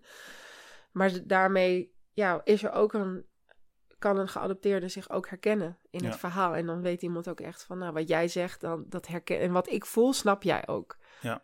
Ehm, dus ehm, ja. Mooi. Ja. Wat hebben familieopstellingen jou zelf opgeleverd? Want jij doet natuurlijk ook mee, eh, wel eens of altijd, Ja. aan een familieopstelling. Ja. En dan, eh, ja, dan neem je ook een bepaalde positie in. Mhm. En ik neem aan dat het jou als persoon ook eh, wat oplevert als representant. Hm, Ja, enorm veel. Ja? Ja, ik. ehm, ja, voor mij persoonlijk is dit een tool die het meeste voor mij werkt als het gaat over persoonlijke ontwikkeling. Ja. Het heeft mij enorm geholpen om het verhaal waar ik me al zo lang aan vasthield, om dat, een an, dat, om dat vanuit een ander perspectief te bekijken. Hm. Waardoor ik niet slachtoffer ben van mijn verhaal. En daarmee zeg ik niet dat je automatisch slachtoffer bent, maar daarmee kon ik in mijn ware potentie staan. En kan ik steeds meer in mijn ware potentie staan. En het geeft me de, heeft me de gelegenheid gegeven. En dat is ook waarom ik mensen ook altijd aanraad om te komen representeren. Want het brengt je terug in je lijf. Het brengt je terug naar de gevoelens, de Ja. gewaarwordingen. die je zelf niet wil voelen. En op het moment dat je het doet voor een ander. en eh, ter beschikking jezelf stelt als representant voor het proces van een ander. Ja. kunnen we het opeens allemaal wel. Kunnen Ja. we voelen, kunnen we lachen, kunnen Ja. we huilen, kunnen we boos zijn. Eh, en, en dat maakt dat er een realisatie is van, oh hey, hm, deze ken ik heel, heb ik heel lang weggedrukt. Goh, wat fijn dat hij er weer is. Oh, nu herken ik het weer. Oh, dan kan ik daar wat meer, wat meer openen in mezelf. Of dat je in een rol staat als representant. En je hebt eh, een, een dynamiek met je leidinggevende bijvoorbeeld. En je het staat toevallig in een rol eh, als representant. Waarbij je die leidinggevende beter begrijpt. Omdat je nu zelf in, in dat gevoel staat. Waardoor je dus die stap Mm. kunt zetten. Dus Mm. het, het brengt een enorm Ja. ja. perspect- een ander perspectief aan, aan hoe je kijkt Ja. naar de wereld. En het brengt je in kennis waar, wat je misschien wel nooit uit boeken zou kunnen halen. Mm.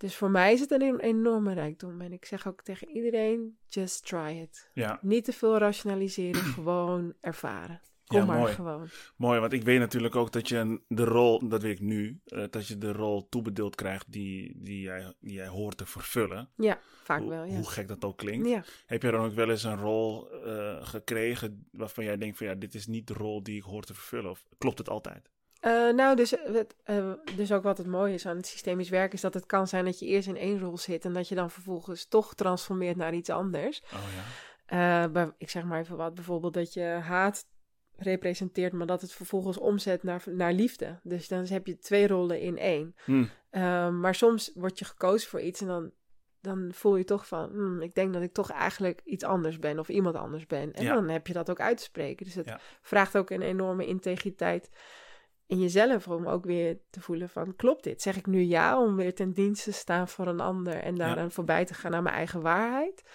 Ehm, en dat is dan ook weer een les wat je in je eigen leven weer mee kan nemen.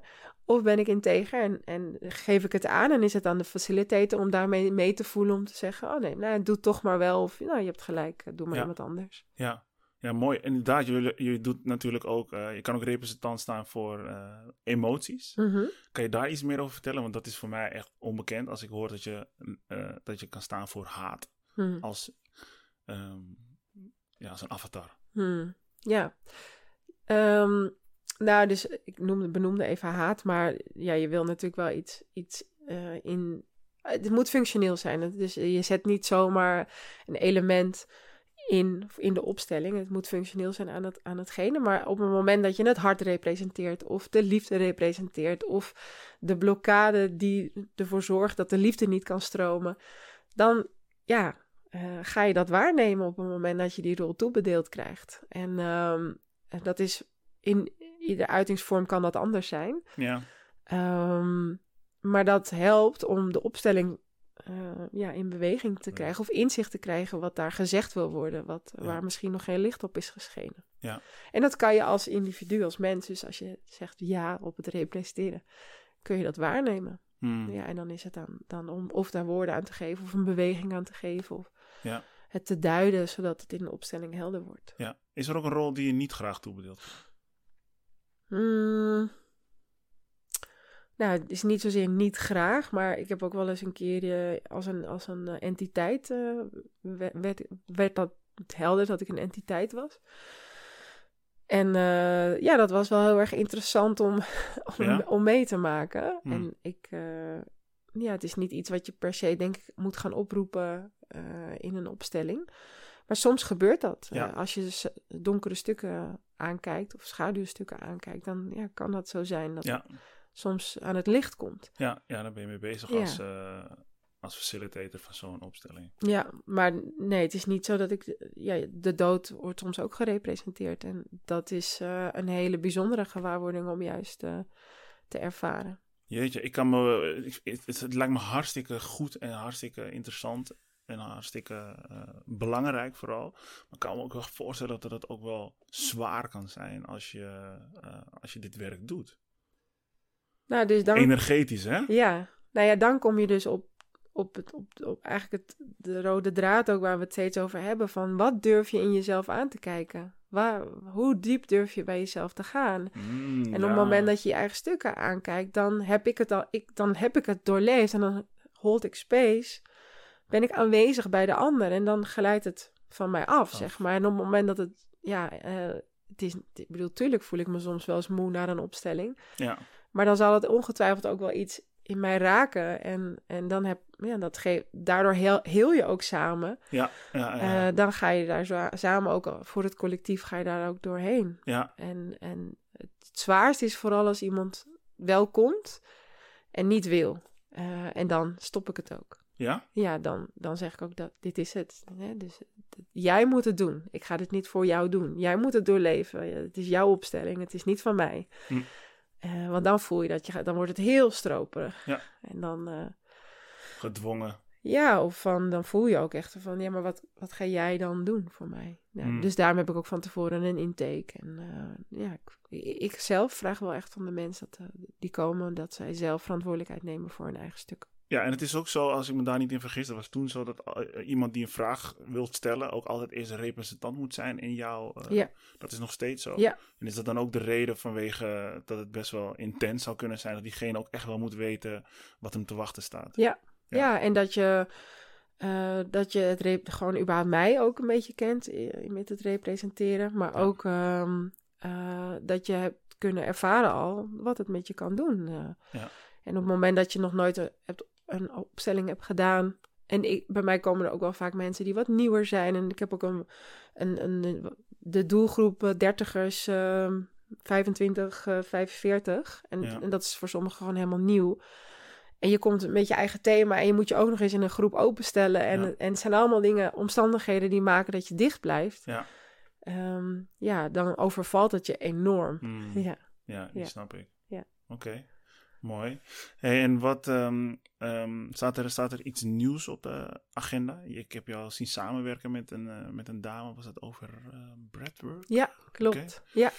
Nou, niet zozeer nieuw, maar ik heb 22 eh, juli heb ik een opstelling. En eh, Dat is volgende week. ja, dat is volgende week. Ja. En ik heb eh, 23 september heb ik een opstelling. Ehm, dus het zijn gewoon de groepsopstellingen waar mensen of als vraagsteller of als representant aan deel kunnen nemen. Ja. Ehm, en ik had inderdaad samenwerking eh, in, met- in combinatie met breathwork. Eh, afgelopen keer was daar niet voldoende animo voor. Langzaam een beetje. Hè, als, als we het hebben over spannend, dan kan ik me heel goed voorstellen dat mensen dat spannend vinden. Ja. Maar wellicht na de zomer dat we dat weer opnieuw gaan oppakken. En dat we weer onze krachten bundelen. En dan eh, zien mensen het op mijn social media voorbij komen. En kunnen zich ervoor aanmelden. Eh, we kunnen een gratis voorgesprek doen. Even, even horen wat, eh, wat je precies zou willen. Ja. En zo zitten er, zo nu en dan zitten er samenwerkingen in met mensen. ja, mooi. Sowieso een mooi veld om in te werken. Dus ik kan me voorstellen dat je er ook in zou willen blijven. Ik zou Mhm. het ook heel vet vinden om het ook een keer te facilitaten. Maar daar moet ik het natuurlijk het een en ander voor doen. Wat moet ik daarvoor doen? Nou ja, dan. Kijk, eh, het is niet aan mij om tegen jou te zeggen wat je daarvoor hebt te doen. Maar ik zou Ja. je wel aanraden om een opleiding te gaan doen. Ja, ja. eh, systemisch werken. ja. Ja. En je daarin te scholen en eh, de wetmatigheden te kennen en het, het, het werkveld. Maar vooral je eigen proces eh, eerst aankijken. Want dat is wel wat er nodig is. Ja. Ehm, en dan is het langzaam gaan oefenen. Is dat wat er nodig is voor de opleiding of om, om een goede facilitator te zijn? Ehm, nou ja, ik denk gewoon dat het belangrijk is dat je je eigen stukken ook aankijkt. En dat je Ja, ja. daarin ook begeleid wordt. Ja. En, en dat je kennis hebt van zaken. Ja. Je, je- het, is, het is niet een veld waar je mee gaat spelen. Nee. Het, is, het is voor jezelf, maar het is ook het is voor de ander ook heel belangrijk dat je weet wat je doet. Ja. En dat is in elk vakgebied is dat zo. Ja. Ehm, ja, dus hoe, wees integer naar jezelf en daarmee dus ook naar een ander. En hoe Ja. dat dan voor jou is, dat weet ik niet. Eh, misschien ben je autodidact en, eh, en leer je het op, op die manier. En kan je een supergoeie facilitator zijn. Ja. Is ook also fijn. Ja. Maar knowledge is also ook belangrijk. Ja, het gaat om die integriteit. Ja. En ik denk ook als je die integriteit hebt, dan dat je het ook gewoon belangrijk vindt om een bepaalde kennis op te doen. ja. Anders, eh, dat, dat, matcht, dat matcht gewoon niet. Ja, en dus de kennis en ook het doorleven. Dus weet waar je het over hebt. Mhm. Weet, waar je, weet, je, weet waar je aan begint. Weet waar je, het, waar je over praat. Weet waar je, in welke velden je, met welke velden je werkt. Ja. En blijf nieuwsgierig. Mooi. Ja. Mooi. Veronica, we gaan ehm, naar de afsluiting. Bam, bam. ik heb nog wel, eh, wel enkele, enkele vragen. Oh, oh. En dan begin ik met, waar vind jij dat wij als mensen zo snel mogelijk afstand van moeten nemen? Wat komt er als Mm, eerste je op? Nou, er komt niet als eerste iets in me op. Oh. Mm, nou ja, dus nou, het eerste wat in me opkomt is dus stop met, met de façade. Stop met het schild ophouden, je hart gesloten houden. Laten we alsjeblieft als collectief eh, elkaar ontmoeten van hart tot hart. Ja. Van mens tot mens op hartverbinding. Hmm. En ehm, ja, dat is, ja, nou ja, daar is de hele podcast ook over gegaan, maar meer gewoon, Ja. stel je open. Mooi, dank je. Ehm, als familieleden, vrienden of ouders wisten hoe ze de ander emotioneel ruimte konden geven, zou therapie dan bestaan? Nee. Als anderen het wisten, het is niet per se, het gaat niet over therapie, maar het gaat over de wijsheid, de kennis, de knowledge. Ja, Ik denk, dat- ja, ik denk dat, dat ook gewoon heel veel mensen dat ook gewoon echt niet weten. Hoe- wat je ja, eigenlijk zegt. Wat ik zeg, bedoel je? Ja, dus, dus dat. wat jij zegt. Ehm, het, eh, dan gaat het weer over, als je in die tribe zou leven, dan zou je leren van, een, van je tribe-leden hoe, het zou kunnen, hoe het zou kunnen gaan. Hoe je de wijsheden kunt overdragen op elkaar. Ja. Nou, dat is er niet, omdat we gewoon te veel in een individualistische samenleving zitten. Of we zitten vast in onze familiesystemen. Ja. En of het nou een therapeut is, of het een, eh, een chief is eh, van een stam, zeg Ja. maar. Het gaat over dat die knowledge overgedragen moet worden. En als een therapeut dat kan, dan heel mooi. Ja, Ja. precies. Gelukkig is die therapeut er. Ja, dat, ja, dat wel hoor. ja. Ik ben blij dat ze dat, dat er zijn. Maar ik begrijp je. Soms moet ik het even in andere woorden. Nee, was, was, was goed. Was voor mij misschien wat onduidelijk. Maar. Ehm, is liefde het een remedie om ons immuunsysteem te versterken? Ja. Oké. Ja. Wat is liefde dan? ja, dat heb je de vorige keer ook gevraagd. Ja. Ik kon ik ook geen antwoord op geven. Oké. Eh, ik, ja, dus, nou ja, dus het, het, het is een, het is natuurlijk, heel- het is heel, ik kan meteen voelen, oh, het is meteen heel breed, maar ehm, in, in aandacht, in liefdevolle aanwezigheid, zelfliefde, eh, daarmee kunnen we enorm onszelf helen en ook elkaar helen. En eh, eh, als je net, als je ziek bent en dat, dat soepje wordt gebracht door die, die vriendin of je partner, of ja, dan, en er wordt nog een, of het kindje wat op de, op de knie valt en een kusje krijgt, dan is het opeens over. Ja. Dus zo kijk ik Ja. die voorbeelden. Dus, Ja, mooi. dus ja. Ja, die snap ik. Snap ik. Wat is jouw grootste angst? ja, volgens mij eh, dan gaat het toch over helemaal alleen achterblijven. Hmm. Ja. Ja. Wat ik denk, wat, wat voor elke mens zo geldt, denk Ja. ik. Maar ja, alleen komen te Hmm. staan. Terwijl het is niet dat ik heel veel mensen om... Ik heb niet een, heel veel mensen om me heen, maar ik heb wel hele bijzondere mensen om me heen. Waar ik me, ja, die echt heel diep in mijn hart... Als, ik, ja, als die er niet meer zouden zijn, zou ik dat wel echt wel Oh ja? heel jammer vinden. Maar Ja. wat bedoel je met alleen? Wat is, wat is dat? Wat is dat? Ja, dat je gewoon alleen komt te staan. Dat ehm, mijn angst zit erin dat ik ehm, ja, me niet kan verbinden vanuit mijn hart met iemand. Dat het er niet is. Ah, ja. Dat, ik niet, dat er geen verbinding mogelijk is met niemand. En is dat een angst van jou? Ja, ergens. Ik het vraag dat het, is het eerste wat er opkomt, ja. Ja, precies. Dat is het eerste wat... Want ik kan Het is dat- niet een angst, maar het is gewoon een... Als ik heel ver weg, als ik heel ver Ja, ga ja. en ik zou daarop uitkomen, dan zou ik... Dan, Dat zou- hebben. Ja, dan, maar dan... Ja, kan me niet voorstellen dat het er is. ik ook niet. Dat is niet oké. maar- Maar dat is wel wat er opkomt. Ik denk dat dat dan mijn oerbrein is. Die dan zegt eh, dat als er een eh, meteor, met- meteoriet op de aarde komt... en, je, en you're the only one standing, zeg maar. Ja, Only one alive. Ja, ik denk dat, dat het grasprietje dan wel... eh,